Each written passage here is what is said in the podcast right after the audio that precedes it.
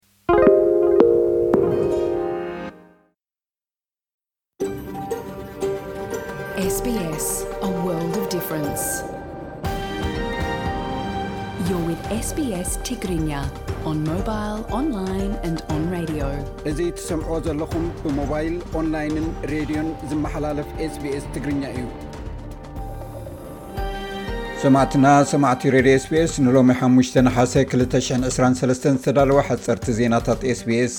ከቕርበልኩም ፈለማ ኣርስታቶም ኣብ ርእሰ ከተማ ሽወደን ስቶክሆልም ኣብ ዝተኻየደ ባህላዊ ፌስቲቫል ኤርትራ ብዝተፈጥረ ጎንፅን ናዕብን 52 ሰባት ቆሲሎም ኣብ መላእ ክልል ኣምሓራ ኣዋጅ ህፁፅ እዋን ተኣውጁ ውግእ ቀፂሉ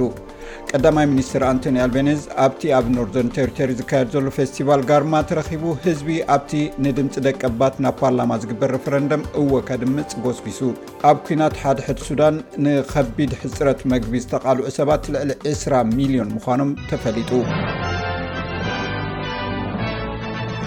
ቀዳማይ ሚኒስትር ኣንቶኒ ኣልቤኔዝ ኣብቲ ኣብ ኖርዘርን ቴሪቶሪ ኣብ ዝካየድ ዘሎ ፌስቲቫል ጋርማ ተረኺቡ ህዝቢ ኣብቲ ንድምፂ ደቀባት ናብ ፓርላማ ዝግበር ረፈረንደም እወ ከድምፅ ጎስጒሱ። እዚ ኣብ ኖርዘርን ቴሪቶሪ ዝግበር ዘሎ ፌስቲቫል ጋርማ መበል ዕስራን ኣርባዕተን ዓመት እዩ። ውድብ ሕቡራት ሃገራት እቲ ኣብ ልዕሊ እቲ ኣላክሲ ናቫሊን ዝስሙ ሩስያዊ ተቃወም ፖለቲከኛ ዘመሓላለፎ ሓድሽ ፍርዲ ኣብ ሩስያ ዘሎ ስርዓተ ፍትሒ ፖለቲካዊ መሳርሒ ዝገበረን ፍርዳዊ መቕጻዕትን እዩ ክብል ገሊጽዎ። ሓላፊ ሰብኣዊ መሰላት ቮልከር ቱርክ ከም ዝገለጾ፣ እቲ ኣብ ልዕሊ ተቓዋሚ ዝተዋህበ ናይ ዓሰርተ ትሽዓተ ዓመት ማእሰርቲ ፍርዲ፣ ኣብ ዘይንጹርን ሰፊሕን ክስታት ጥሩፍነት ዝተመርኮሰ ከም ዝኾነን ኣብ ቀጽሪ እቲ ቤት ማእሰርቲ ድማ ዕጹው መጋብኣያ ከም ዝተኻየደን ገሊጹ። ናቫልኒ ብፖለቲካዊ ድፍኢት ክስታት ድሮ ንትሽዓተ ዓመት ተፈሪድዎ ኣብ ማእሰርቲ ዝርከብ ሰብ እዩ። ኣብ ክልል ኣምሓራ ኣብ መንጎ ሰራዊት ምክልኻል ሃገር ኢትዮጵያን ዕጡቕ ጉጅለ ፋኖን ዘሎ ግጭት ይቕፅል ኣሎ ብመሰረት ነበርቲ እቲ ከባቢ ዞባ ሰሜን ሸዋ ሸዋረቢት ማእከል ጎንደር ኣብ ደቡብ ጎንደር ደብረ ታቦር ኣብ ከተማታት ምብራቕ ጎጃም ደብረ ማርቆስ ውግእ ቀፂሉ ኣሎ ትማሊ ድሕሪ ቀትሪ ኣብ ባህር ዳር ኣብ ክልተ ከባቢታት ቦምባታት ተፈንጂሩ ክብል ዶቼ ቬለ ካብቲ ቦታ ሓቢሩ። ዝተፈላለያ ከተማታትን ከባቢታትን ክልል ኣምሓራ ዘራኽብ ፅርግያታት ብምዕፃው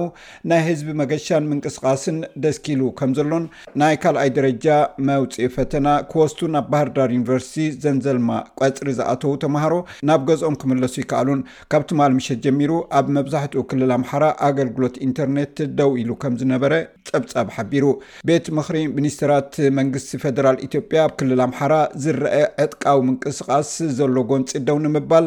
ኣብ መላእ ክልል ኣምሓራ ኣዋጅ ህፁፅ እዋን ኣዊጁ ኣሎ። ከም ዝፍለጥ ክልል ኣምሓራ ብብዝሒ ህዝቢ ኣብ ኢትዮጵያ ብካልኣይ ደረጃ ዝስራዕ ክልል እዩ። ኣብ ርእሰ ከተማ ሽወደን ስቶክሆልም ኣብ ዝተኻየደ ባህላዊ ፌስቲቫል ኤርትራ ብዝተፈጥረ ጎንፅን ናዕብን ሓምሳን ክልተን ሰባት ቆሲሎም ቁፅረን ዘይተፈልጠ መኻይንን ካልእ ንብረትን ከም ዝተቓፀለን ወይ ከም ዝዓነወን ይግመት። ብመሰረት ፀብፃባት ማዕከናት ዜና ሽወደን ኣብቲ ድግስ ዝተሳተፉን ነቲ ፌስቲቫል ዝተቓወሙን ኤርትራውያን ብበትሪ፣ ብመቃፀሊ ሓውን ንብረትን፣ ተባኢሶም ኣብቲ ግጭት ካብ ዝቖሰሉ ሰለስተ ኣባላት ፖሊስ ዝርከብዎም ኮይኖም ነቲ ግጭት ኣላዓዒሎም ዝተባሃሉ ሚእትን ኣርባዓን ሰባት ኣብ ቀይዲ ከም ዝኣተዉ እውን ተፈሊጡ ኣሎ። እቲ በብዓመቱ ኣብ ዝተፈላለዩ ከተማታት ኣውሮጳ ዝውደብ ፈስቲቫል ንጨቋኒ መንግስቲ ኤርትራ ቀጥታዊ ደገፍ ዝህብ እዩ። ደገፍትን ሰበስልጣንን መንግስትን ዝሳተፍሉ ገንዘብ ንመንግስቲ ዝእከበሉ ፌስቲቫል ተባሂሉ ብብዙሕ ክንቀፍ ዝጸንሐ ኮይኑ ነቲ መንግስቲ ዝቃወሙ ድማ ኣብቲ ፌስቲቫል ተረኺቦም ቃውሞም ይገልጹ። ብፍላይ ኣብዚ ቁርብ እዋን ብመንእሰያት ተለዓዒሉ ዝርከብ ብርጌድ ንሓመዱ ዝተባህለ ምውድዳብ ሓይሊ ዝተሓወሶ ተቃውሞ ነቲ ኣብ ጀርመን ከተማ ጊሰንን ኣብ ለንደን ዓዲ እንግሊዝን ከተዓናቕፍ ዝፈተነ ተቃውሞ እውን ተገይሩ እዩ። ኣብቲ ቅድሚ ሰለስተ ሰሙን ኣብ ጀርመን ከተማ ጊሰን ኣብ ዝተኻየደ ድግስ ብተመሳሳሊ ግጭት 26 ፖሊስ ቆሲሎም ነይሮም እዮም። ወተሃደራዊ ጁንታ ኒጀር እታ ሃገር ምስ ፈረንሳ ዝገበረቶ ወተሃደራዊ ስምምዕ ምፍስራዙ መንግስቲ ፈረንሳ ከም ዘይቅበሎ ኣፍሊጡ እቶም ንፕረዚደንት ኒጀር መሓመድ ባዙም ካብ ስልጣኑ ዘውረዱ ወተሃደራዊ መኮንናት ትማሊ ምስታ ነታ ሃገር ገዛኢት ዝነበረት ፈረንሳ ወተሃደራዊ ስምምዕ ከም ዘፍረስዎ ኣፍሊጦም ኣለዉ ወሃብ ቃል እቲ ሰራዊት ኮሎኔል ኣማዱ ዓብዱረሕማን ከምዝበሎ፣